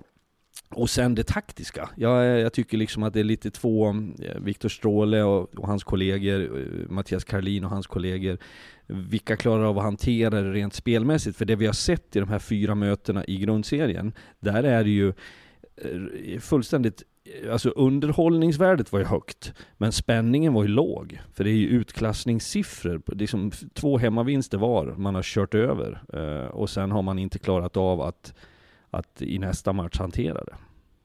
Ja, ska man addera den kryddan, alltså att de möttes fyra gånger under hösten, Mm. och så tänkte man att och, Det är tre månader sedan de möttes. Precis, det tillför ju något också. Ehm, sen, om man ska prata i procent här då, vilket lag som har fördelen, så undrar om det inte är, jag, jag funderar på det här under dagen när jag satt på, på tåget på väg till Gävle, att en 55-45 fördelning till Modo skulle jag säga, just för hemmaplansfördelen och att det finns sådana skador i Björklöven. Som jag har förstått det nu så vet Vaino kommer inte spela, Adam Plant kan vi räkna bort. Olle Liss kan vara tillbaka i match 1, 2 eller 3 vad jag förstått det som i alla fall. Medan Modo i princip är skadefria. Daniel Manberg var ju inte med i sista matchen mot Kristianstad, men han är hel och kry. Eh, det har ryktats om en skada på Sam Vigneault, men det har jag hört så är inte fallet. Han kommer vara 100% här under semin också. Så att de två faktorerna, just hemmaplatsfördelen och skadekrisen i Umeå, tycker jag gör att det tiltar över lite för Modo ändå. Ja, och eh, du- är helt inne på det. Det är ju inga små skador som, eh, eh alltså mått i storleken, men det, det är ju tunga skador som eh, Björklöven dras med. Vetivainio som är ju, eh, de eh, få tillfällen vi har sett honom vara 100% den här säsongen så har han ju varit en toppback i ligan som spelar med pondus och som kan vara en första back och som skulle kunna vara potentiellt en av de absoluta toppbackarna i den här ligan. De har dessutom Jesper Lindgren som är skadad. De har frågetecken på Baudouin, den här nyförvärvet, och, eh, och dessutom då Olle List. Det är väldigt, väldigt tunga skador, vilket gör att jag skulle nog säga till och med att det är 60-40 till Modos favör gällande det. Det är klart att ingen i Umeå vill prata om de här skadorna och att det ska ha en faktor, men eh, det är ju en av nycklarna att hantera i ett slutspel. Det vet jag Harald brukar trycka om väldigt ofta trycka på väldigt ofta att eh, det är ju det här att kontrollera skador och sjukdomar är ju en så viktig faktor i ett slutspel. Kolla på Rögles eh, semifinal och finalspel i fjol med Everberg skadad, Brithén skadad, Leon Bristedt skadad. Det går inte att ha sina bästa spelare skadade om du ska vinna sådana här matchserier, vilket gör att det här är ju av stor, stor vikt att eh, Björklöven får tillbaka Jesper Lindgren i alla fall, Olle Liss och sen får vi då se vilka som kan vara tillbaka i spel.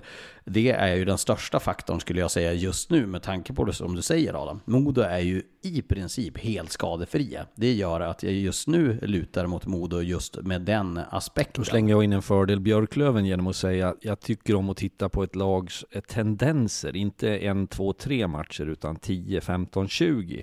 Där har ju Björklöven haft en uppåtgående trend, inte bara i fråga om att vinna matcher utan också att man har spelmässigt korrigerat sig lite grann.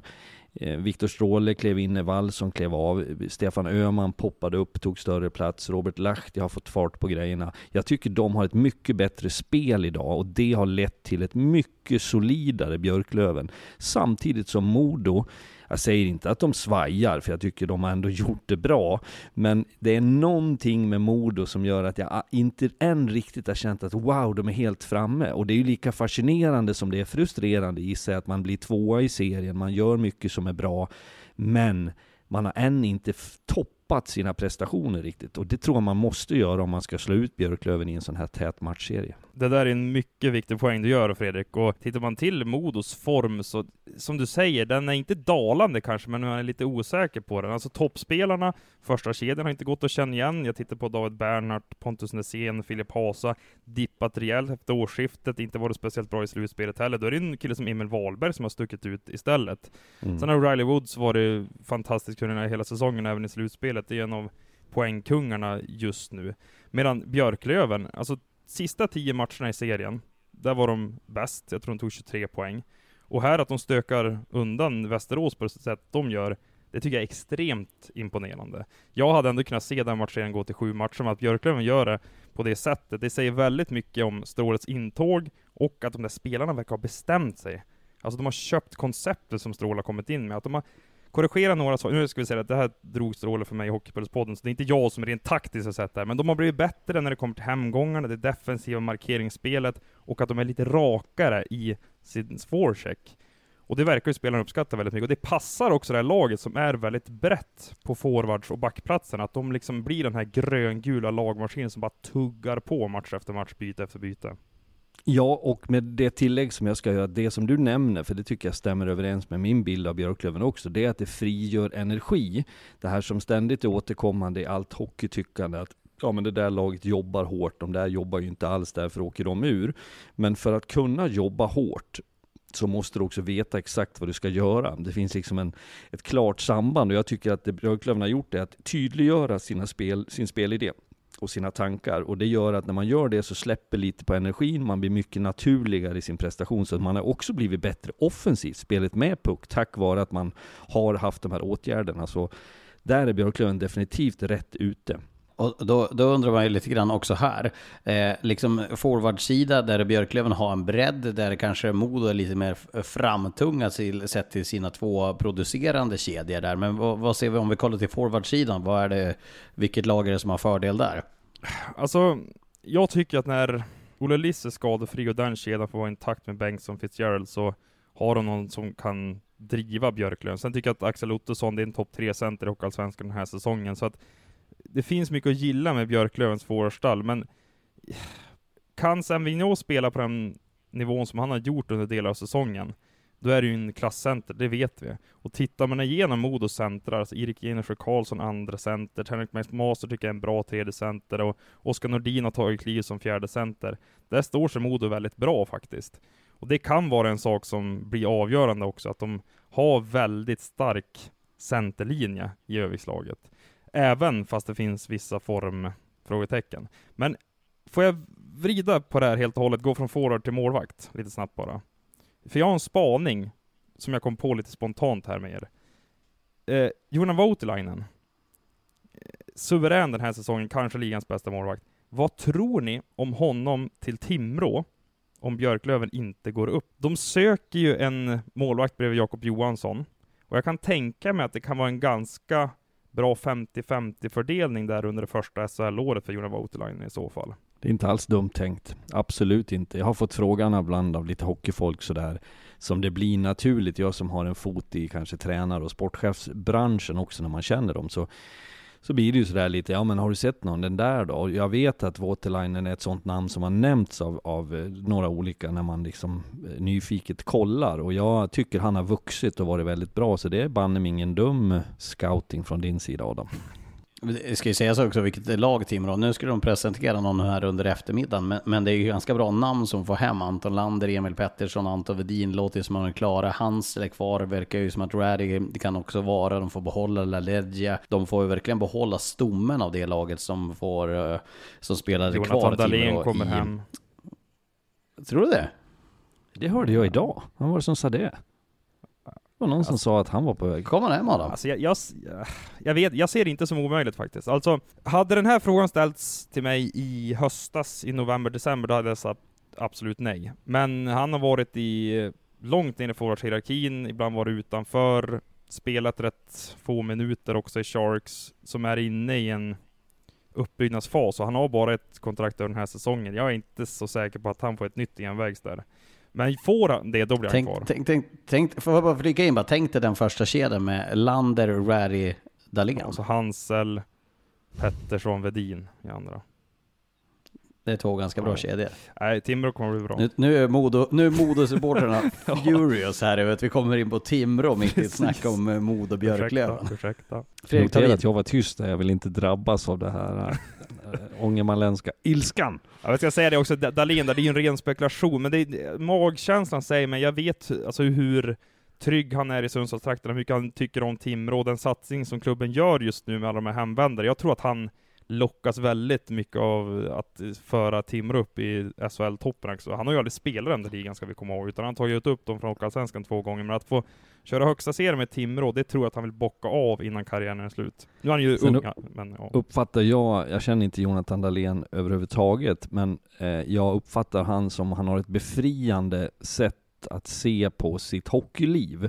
Mm. Att det är som en del andra, jag ska bita i, jag är 14 år i någon liten eh, stad i liksom Kanada för att visa att jag, jag, jag höll mig kvar. Han, han gör de valen som känns rätt, han ska må bra, han ska trivas med sin hockey och jag tycker att det är ganska uppfriskande i en tid av ökade krav och förväntningar på saker och ting, att han gör de valen som han vill göra och så är det bra med det.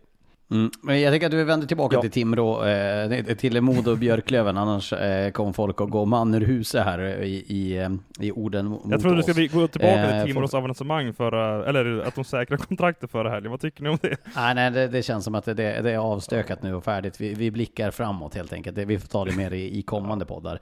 Eh, men vad tänker ni då? Vi pratar om forwardsidan där. Vi, vad tänker ni om backsidan då? Med tanke på att där är det är kanske där Björklöven har sina tyngsta skador. Med tanke på att Jesper Lindgren då som avslutas grundserien på ett väldigt, väldigt, väldigt bra sätt. Också ett stort frågetecken eh, jämte att Modos eh, backar mår bra där den första backparen med offensiva spetsen i Bernhardt och eh, Näsén har varit jättebra under säsongen. Nu kommer Emil Wahlberg ta en större roll. Folin känns ju som en slutspelsspelare om man ska säga att han nått DNA från brorsan i Frölunda. Så, så känns det ju också som en stark backsida i Modo. Jag tycker, för att prata enkelt och koncist och spara lite tid, Björklövens backsida är mer tight, mer kompakt, mer tuff och mer enkel. Modos är mer kreativ, du har fler spelande backar, du har fler som vill göra saker med puck. Och det är ju en av de faktorer som jag är nyfiken på att se i en tuff semifinalserie. Vad funkar bäst? Är det att lyfta en sarg ut som Rahimi kan göra? Eller är det att joddla på, på offensiva blå som Nässén vill? Båda delar är ju charmerande, men vad funkar bäst?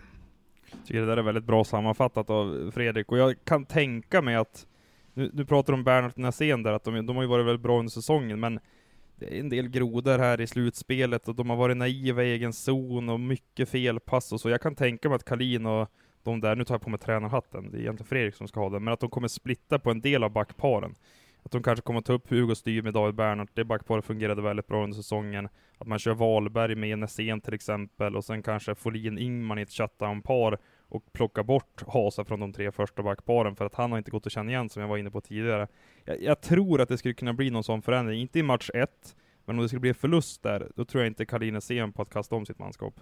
Nej, och jag tror att man ska också syna coachningen lite nu. Eh, när man går in i det här. Det, å ena sidan vill man ha en lång bänk, man vill använda mycket folk för att det är tätt på, det är tuffa matcher.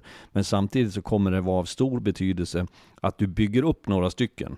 Du har några på respektive konto, den här defensivt solida, både forwarden och backen, som du vet att du använder tek i egen zon, två minuter kvar av perioden, vi leder 3-1 eller när du behöver jaga, när du vill göra mål, när du vill sätta prägel på en match. Och det där, nu är vi så långt fram så att tränarna känner sina spelare och där är det väl lite fördel Karlin som har känt sina gubbar från dag ett.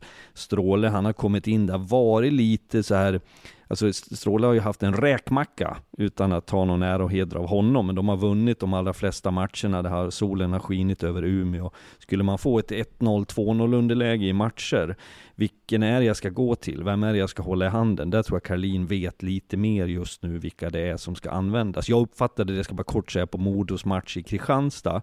Lars, när du och jag stod där, kommer ihåg du väste i mitt öra, är det inte dags för en timeout? Så kommer du att du sa det i första perioden där Kristianstad liksom sjö. Ja, ja exakt, det var när Kristianstad mon, äh, manade ja. på där. Det ja, stod hatten på Lars också. Ja, men han har den, han har tränat möss om inte annat. Ja, men då noterade jag också, för jag vet att som tränare kan man ibland känna att ja, men det här, vi kommer, så länge vi inte liksom avlider nu så kommer vi kunna hantera det. Vi kanske kan spara den, för ibland med en timeout är också att trycka på larmknappen. Man kan se på det där på så många olika sätt. Men det jag ville komma fram till var att jag tror att Karlin i det skedet visste vad han ville göra under perioden, i paus och vad han hade för avsikt att andra halvan, ska vi säga, matchen, vad det skulle leda till. Och där tycker jag att han lyckades med det och det är ett tecken på, i mina ögon, på en bra coachning.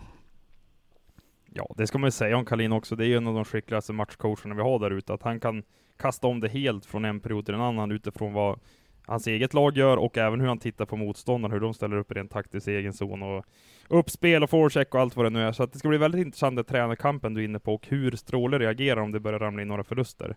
Um, sen hade jag någon tanke här som har farit iväg, som jag inte kommer kunna hitta i bakhuvudet. Så jag måste nog släppa över till programledare Lars här för att ta oss vidare. Jo, nu kom jag på det! Att säga, det är ett fint sätt att säga jag vill vara med igen, ett annat program, men det är helt okej okay för mig. Nej, jag ska faktiskt eh, avsluta med det här så slipper du mig sen också i podden. Men eh, Oskar Pettersson, Alex Hutchings, kan inte de matchas mot varandra i varenda byte? Då kommer det kul Det var kul att se. Jag ska mm. säga att på lördags, eh, på, vi preppar ju redan för matcherna där och då har jag ett inslag i en paus där som handlar om lite sådana head-to-head grejer, där just de två nämnda Aha. är head-to-head, så att det, vi är inne på samma spår där. Kul, kul. Mm. Adam, innan vi släpper dig, eh, jag vet inte hur du har det tidsmässigt, men, men, en fråga som jag tycker är intressant med tanke på att du just har släppt en podd med Kent Nubbe Norberg, eh, så, så fick jag en fråga från Jakob eh, Brage Jakob. Han, han eh, halvgarderar där, men kör sitt namn två gånger i Twitternamnet. Han säger det, Nubben i HV71, vad kan han bidra med som saknas under tidigare säsonger? Vad, vad tror ni om Nubben i HV71? För nu är det klart officiellt. Ja, alltså, ska vi börja med honom personligen här så tror jag att det finns ett revanschsug hos snubben efter misslyckandet med Frölunda. Eh, och att man har pratat om honom som en sportchef som endast kan lyckas med små medel. Att när han får för en stor plånbok, ja, då går han snett på toppvärvningar och hur han sätter ihop laget. Så det är nog därför han vill till HV, för att han vet att förutsättningarna än i Timrå är bättre. Så jag vill testa det här innan jag kanske vänder tillbaka till klubben i framtiden. Sen tycker jag nästan inte att Nubben har fått tillräckligt cred här för det han gör med Timrå i slutet, att innan han lämnar, då bygger han klart truppen. Han tar hem alla de här killarna, sätter grunden för framtiden och så är det någon annan som ska ta efter och ge Timrå lite lugn och ro här med att hitta nästa sportchef, för de vet att 95 procent av de här spelarna som ska vara med nästa säsong, de finns redan där. Sen kanske det inte var jättesnyggt att han träffade HV under slutet av grundserien, men det ska man säga till alla lyssnare här att det är så det funkar i den här branschen. Alltså, även fast man inte uppskattar det så är det så det ser ut. Men nubben i HV, jag tror att han kommer kunna tillföra ett lugn, eh, just bara med sin persona. Alltså är man i hans närhet så ser man att det är ju en, det är en herre som skapar en god stämning, alltså med sin jargong, med sina skämt, Alltså han tar ju livet på, med en klackspark, och det tror jag att HV kan behöva. Sen får vi se lite här hur han kommer klara av det, med tanke på att det kan bli SHL, och det är många som följer med, för det är en del skrivna kontrakt över nästa säsong. han har ju inte varit speciellt bra på det förut, om man tittar till hans Timrå-historik, med att när han tar upp klubbar från Hockeyallsvenskan, då han kanske blivit kvar med för många hockeyallsvenska spelare som har gjort att de har fått det svårt år två, eller år ett i SHL. Så att det tror jag blir en utmaning för Nubbens del faktiskt. Om de går upp, ska vi säga. Nu lät det som att det var givet att de går upp. Jag eh, tycker det är intressant att diskutera det där och jag du har ju mött honom och klämt på honom och eh, har den reflektionen. Eh, mitt utifrån perspektiv är ju att han är värd all respekt för vad han har gjort med Timrå och att det ska inte underskattas. Det som ibland hånas lite att ja, men, mindre klubb och det ena med det tredje, det, det behöver inte vara något negativt. Tvärtom, det är faktiskt någonting bra uppfriskande med ett helt nytt namn. Jag tror ibland att det är bra med människor som inte har en koppling till klubben i den positionen så att man inte behöver trampa på liksom ömma tår utan man tar de professionella besluten. Sen låter jag tiden bedöma hans förmåga i HV. Det är inte det fräschaste namnet, förstå mig rätt. Och då tänker jag inte på att heta Kent eller att det, utan, utan att han ska vara lastgammal. Men han har varit med så länge i branschen. Men det kan jag också tycka ibland är befriande att man inte skakar fram något så här helt orimligt namn, för det brukar ju gå käpprätt åt skogen. Så att han kan ju åtminstone sitt jobb. Eh, nej, nej jag, jag, tänker, jag har två frågor till som jag vill få med medan Adam fortfarande, innan eh, du måste åka mot eh, SDHL-finalen. Men, men den första frågan är som eh, Vilma Furesjö, Emil Josefsson, Anton Eriksson, Nils Johansson, eh, Tagberg, Johan. Det är väldigt många som frågar om vad tror ni om Djurgården i Hockeyallsvenskan nästa säsong? Hur kommer deras lag att se ut? Hur, hur tänker ni om, om Djurgården? Fredrik, jag vet, vi hade ett långt snack om det här i söndagens sändning, men det är också en sak som väldigt många är intresserade av uppenbarligen inför den här podden. Vad, vad känner ni där? Jag, jag eh, kan bara säga så här. Fredrik, du får börja. Ja, men jag, jag, tror inte, jag kan inte, jag har inte satt mig in än i tänkbara namn in och ut. Det är sånt som ni är mer skickade för att göra. Jag kan bara konstatera att jag tror att det är svårare för Djurgården att göra en HV71 än vad de tror. Och det grundar mer på andra förutsättningar såsom storlek på städer, arena, eh, förutsättningar med träningsmöjligheter. Det, det, det kommer vara tufft för Djurgården att vara en given, eh, så pass given etta som HV ändå blev sett över grundserien. Jag tycker att Djurgården är, nu är det bara några dagar sedan de åkte ur till Hockeyallsvenskan, de är svåra att placera, för precis som Fredrik säger, jag tror inte att det kommer bli samma typ av uppslutning, engagemang och satsning som vi har fått se här med HV71 som har ja, dopat sig, om man ska säga rent ekonomiskt, vad de har kastat in i den där truppen. Det kommer kanske vara några säsonger här där det är en kraftgång, att de kommer vara ett... Alltså jag ser ett, kanske ett modoscenario framför mig. Att de kommer ner till Hockeyallsvenskan, det är den här stora anrika föreningen, Mästarna, Mästarna, man tänker att de ska upp direkt.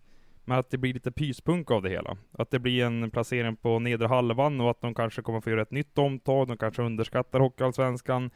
Och att det kommer vara en stegring över flera säsonger eh, innan de är tillbaka i SHL igen. Jag tror inte att det blir att man studsar tillbaka på samma sätt som jag har fått se några klubbar som Leksand och Timrå och några andra göra. Och det såg vi också senast när de var nere. De behövde två säsonger på sig för att gå upp igen. Eh, och med så många satsande klubbar som Lars, du har varit inne på det, så tror jag att det kan bli ganska tufft för dem. Eh, och vi måste också säga det att just nu, ingen sportchef. Jocke Fagervall ska bli, fortsätta vara huvudtränare, men vilka får han bredvid sig? Det är väldigt många frågetecken i dagsläget för att kunna säga var Djurgården kommer hamna. Sen tänker jag också de förutsättningarna, de goda sakerna med Djurgården, storleken, engagemanget, passionen, historien, det som både kan vara för och nackdelar egentligen, men det kan vara en belastning, vad så jag menar, tror jag ändå kommer gynna dem. Det, det är liksom inte, de kommer inte föra en tynande tillvaro. Men vi är ju helt inne på det från olika perspektiv här, på utmaningarna som faktiskt väntar. Och jag upplever också att de andra toppklubbarna i Hockeyallsvenskan idag, de som inte kommer att gå upp, de kommer ju också fortsätta bygga och gå för det. De har ju fått smak på det goda livet med att vara ett topplag och, och ha framgång. Så att det kommer att vässa Hockeyallsvenskan, det är min känsla. Ja, och jag tycker det här leder in ganska bra på nästa fråga som, eh, som vi fick från Wilmer Jonsson. Eh, han sa det att nu när Djurgården kommer ner, som vi var inne på tidigare under podden, så gör ju det också att AIK får en annan press på sig med tanke på att det blir Stockholms rivaliteter med Södertälje och Djurgården. Eh, Wilmer säger ju frågan, vad tror ni om AIK? Eh, snackas redan om Sion 9 Dybeck in från HV71 och William Eriksson från eh, Björklöven. Att ett AIK som redan nu genom Kristoffer Malm och eh, Anton Blomqvist och som säkerligen med på det där att AIK smarta värvningar. Man tar unga spelare som har en ljus framtid, en eh, Sion Nybeck och William Eriksson som vi definitivt kan tänka oss på eh, något år kan dominera i SHL och som kan ta den resan som Oskar Ståhl Lyrenäs har gjort eller eh, liknande spelare. Så att Sion Nybeck och William Eriksson till AIK känns ju kittlande. Vad Ja, tänker du om? Nu ska vi credda den som creddas bör. Johan Svensson, min kollega, är den som har avslöjat det där då. Eh, med Nybeck och Eriksson till AIK. Så här, Kristoffer Malm, Anton Blomqvist, det är ett av de mest spännande paren om man ser huvudtränare och sportchef som finns i Hockey-Sverige just nu. De går den unga vägen, precis som du är inne på Lars, och jag gillar den satsningen. De ärvde ju i mångt och mycket en ganska gammal och vad ska man säga, en spelarkärna som redan har pikat och är på väg ut för. Och då tänker man ju på Weigel och Holm framförallt, men det finns några andra namn där också. Jag tror att i Hockeyallsvenskan så måste det finnas den här ungdomliga entusiasmen, alltså några killar ändå som är högt upp i hierarkin som driver på de här äldre veteranerna som kanske inte har SHL-höjden i sig, men är väldigt bra hockeyallsvenska spelare, att de pushas hela tiden. Och där, där, där, fattades det ganska mycket i AIK under den gångna säsongen tycker jag. Så att man plockar Nybäck, Eriksson, de kommer säkert ta in någon fler som är runt 20-årsåldern. Det tycker jag är helt rätt väg att gå. Och Malm få ett år till i Hockeyallsvenskan. Vet att han gjorde det väldigt bra i Rögle under Abbott där. Så jag tror ändå att AIK, när nästa säsong börjar, det kommer vara en total renovering och jag tror också att det är precis det de behöver för det framtida AIK. Jag delar din uppfattning och jag adderar också du pratar Malm, Anton Blomqvist var väldigt, tycker jag, ödmjuk genom hela säsongen, eh, fick ett bra Förutom resultaten, vilket man då kan säga, men fan det är väl det det handlar om, absolut. Men jag tycker liksom att de hade tendenser, eh, de utvecklades, de växte, de var på rätt spår. Och uthålligheten som jag inte trodde att AIK som förening skulle ha, men det visade sig att de hade, det tror jag är en nyckel för att de ska kunna vara med längre fram. Och det blir ju också, bara det faktum att Djurgården kommer ner, kommer ju, kommer ju höja AIK. För det handlar ju om eh, fantastiska matcher som, som säkert redan nu planeras. Jag hörde AIK gick faktiskt ut och sålde biljetter till de matcherna samma kväll som Djurgården åkte ur SHL och det är väl eh, någon form av peak bara där. Ehm, jag tänker också, det är ju som ni båda är inne på, att Hockeyallsvenskan är ju de- unga spelarnas liga. De unga spelarnas liga tillsammans med Daniel Ljunggren, Marcus Eriksson och Henrik Björka. Så det är de unga spelarna och lite äldre och eh, ehm, platåbefinnande spelarnas liga, får vi väl ändå kalla det på något sätt. Det, det ska vi Eh, säga jag bara lite att snabbt ska också om bli Djurgården där, att jag var skeptisk när vi re- resonerade kring vad deras chanser kommer att vara nästa säsong, men de har väldigt många intressanta talanger födda 02, 03, 04, 05 här, som vi kommer få se i Hockeyallsvenskan. Så att guldgallret 22-23 skulle kunna hamna i Djurgården faktiskt, för det finns några att eh, välja bland. Och, och det är ju det enda, det absolut enda positiva med att trilla ur, är ju att det öppnas en dörr för speltid på ett annat sätt för yngre spelare. Men det förutsätter också jag menar, ta Emil André som ett exempel på det som har gjort en fin, fin säsong i HV71. Det är ju för att han också haft någon att luta sig mot. Alltså att truppen i sin helhet är tillräckligt bra så att de unga killarna,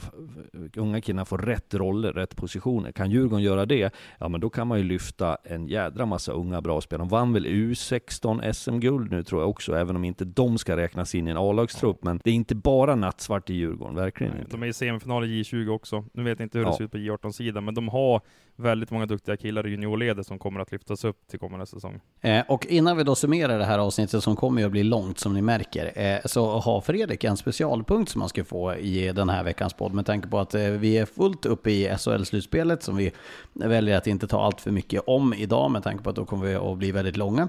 Men det är också eh, samtidigt som Hockeyallsvenska slutspelet så är det ju dags för kvalserien till Hockeyallsvenskan. Och Fredrik, här har du fått eh, i uppdrag att spana lite grann och eh, ge oss en liten inblick i vad som händer där. För jag är obevandrad i Hockeyettan. eh, Ja, stor men jag konstaterar egentligen bara, jag är heller inte så att jag följer det slaviskt, men av största liksom, hockeyintresse i, i största allmänhet och genom att man har vänner och bekanta och lite tränarkollegor som är i Hockeyettan, så, så följer jag med i det där. Och jag konstaterar att bara för att summera det, det är sex lag i en kvalserie. Man möts eh, hemma borta, så tio matcher ska spelas, där vinnaren av den då tar klivet direkt upp med det här nya systemet som vi har på Trojas bekostnad. Och där är det väl egentligen, det drog igång onsdag kväll, så de har spelat en match. Och det på förhand har man pratat om några större drakar såsom eh, Hudiksvall, Nybro, Väsby. Det är dessutom i den serien Östersund, Dalen och Halmstad. Och ser man till liksom förutsättningar och resurser och vilka som knackar på dörren, så Nybro har varit där förr, Hudiksvall har gjort några tappra försök, Väsby åkte ur förra året, Östersund har en fin anläggning. Eh, Dalen har lite HV-gubbar och Halmstad är väl de som har skrällt sig in. Men Hudik, Nybro och Östersund vann ju sina första matcher och vad vi drar för slutsatser av det vet jag inte. Men så ser upplägget ut. Det är väl det de två lagen skulle jag påstå, Hudik och Nybro som har flest. De vann ju respektive sina alletta då, som spelades från jul och framåt. Ja, det ska man säga om all, eller allettan, vi ska säga det om hockeyettan, att det är ju ett väldigt komplext system och tittar man runt i olika sportligor i världen, alltså inte bara ishockey utan även fotboll, basket och allt vad det nu kan vara, så tror jag inte att det finns någon serie där det är svårare att avancera upp ett, ett kliv i den där hierarkin. Alltså du måste igenom så många svängar, och du får inte liksom sladda utanför, och sen är det där nålsögat, sen är det en kvalserie i slutet av allting också. Så att det lag som till slut tar den där hockeyallsvenska platsen, det är ju en välförtjänt vinnare alla gånger, ska jag säga. Mm. Och det blir spännande att se vilket lag som följer det. det. Det svåraste att ta sig upp i, det är väl i, i NHL skulle jag säga. För det, det, innebär att du måste köpa din plats i NHL och du får starta en ny förening från scratch. Det är ju inte helt lätt det heller. Men, men jag är helt Tack inne på det. Tack och lov så har vi men det svenska Fredrik, systemet ja. där, som vi eh, Ja, det vill vi. Vi vill inte in dit så det blir som i NFL, att man kan köpa lag. Att helt plötsligt så är, så Oakland Raiders så är det Las Vegas Raiders. Eller att ja, lag som flyttar stad helt enkelt och nya fans ska, ska bli till en ny stad. Nog om det, men Fredrik, vad har du för spaning där? Jag hörde Nej, inte allt för det klippte lite grann. Men vad, Jag konstaterar egentligen bara att, att vi kan vi följa den under resans gång här. Den är ju intressant för ett av de där lagen ska ju faktiskt upp till Hockeyallsvenskan kommande säsong och att eh, Vissa lag där som Nybro till exempel, Väsby, de har varit där förut. Halmstad, nu är det en tid sedan, de har liksom provat allsvenskan och gjort det eh, i olika mellanrum, så bra och mindre bra. De andra lagen har så vitt jag vet, Dalen har ju inte varit där, Östersund har inte varit där och Hudik har väl inte varit där. Så att eh, vi får följa det, se vilka det är som drar det längsta strået helt enkelt. Nu minns jag inte vilken Twitter-användare det var, men det var ju en poll här för ett tag sedan på Twitter över vilket lag som man helst vill se i Hockeyallsvenskan nästa säsong. Och då var det Väsby som vann med typ 65 procent. Och det kan jag ju tänka mig med tanke på att det är i Stockholmstrakterna ganska behaglig resa för många också. Alltså norrlagen, de vill ju inte ner till Skåne eller Småland i onödan och vice versa. Sen skulle jag gärna se, alltså nu följer inte jag Hockeyettan speciellt nära, men Hudiksvall och Östersund, de har ju satsat i väldigt många år, bra organisationer, bra hallar. Att de skulle kunna få komma upp och i alla fall få smaka på den allsvenska sötman i någon säsong, eller att försöka stabilisera sig och etablera sig där. Det hade varit kul att få se. Så att, och de har ju börjat också se den bra här med varsin seger. Så nej, det kommer att bli tight, tror jag. Eh, Men det verkar som att många vill ha Väsby där uppe i alla fall. Nog om det. Nu känner jag att vi, vi sätter punkt för det här avsnittet. Det kommer att bli väldigt långt ändå. Jag hoppas att folk har fått eh, möda och eh, fått eh, mycket betalt för sin investerade tid för att lyssna på det här. Eh, som Sanny Lindström brukar avsluta sina texter på Expressen. Det tycker jag är lite fint förresten. Tack för att ni tog er tid. Eh, Apropå. Expressen, Eh, och jag ska be om du- ursäkt också för att det är jag kanske Det är ingen reklam eh, kampanj det här då Adam. Jag tänkte slänga in lite smygreklam, men får jag inte göra det eller? Vad var det då? Ja men absolut. Ja, göra. Nej, men så här, det finns premiumgenomgångar eh, på eh, Expressen nu som vi har gjort över semifinalserierna och vi har satsat lite på Hockeyallsvenskan här för att det är så hett. Så vill man läsa och inte bara lyssna om det här, då finns det artiklar under torsdagskvällen, fredag och lördag morgon. Det finns även en långläsning med Henrik Gradin, Modos sportchef, som publiceras fredag tror jag. Så mycket allsvenskt eh, gott i gotta på Expressen också. Och sen ber jag om ursäkt att det drog ut på Ja. tiden. Det känns som att det var mitt fel. Förlåt. Ja, det var var väldigt kul att ha med dig Adam. Det får jag säga. Jag tyckte att det väldigt kul att du var med. I, I övrigt så ser vi nu då att vi, vi ser fram emot de här eh, stekheta semifinalerna och eh, gör det, eh, slickar i oss allt som vi kan få inför det som stundar. Tack Adam för att du var med, tack för Erik och vi ses i Jönköping, eller på Arlanda imorgon bitti helt enkelt när vi ska bila ner till Jönköping. Så ta hand om er och tack för Puss den här stunden. Ska du ha. Puss och kram. Mom deserves the best, and there's no better place to shop for Mother's Day than Whole Foods Market. They're your destination for unbeatable savings, from premium gifts to show-stopping flowers and irresistible desserts. Start by saving 33% with Prime on all body care and candles. Then get a 15-stem bunch of tulips for just $9.99 each with Prime. Round out Mom's menu with festive rosé, irresistible berry chantilly cake, and more special treats. Come celebrate Mother's Day at Whole Foods Market.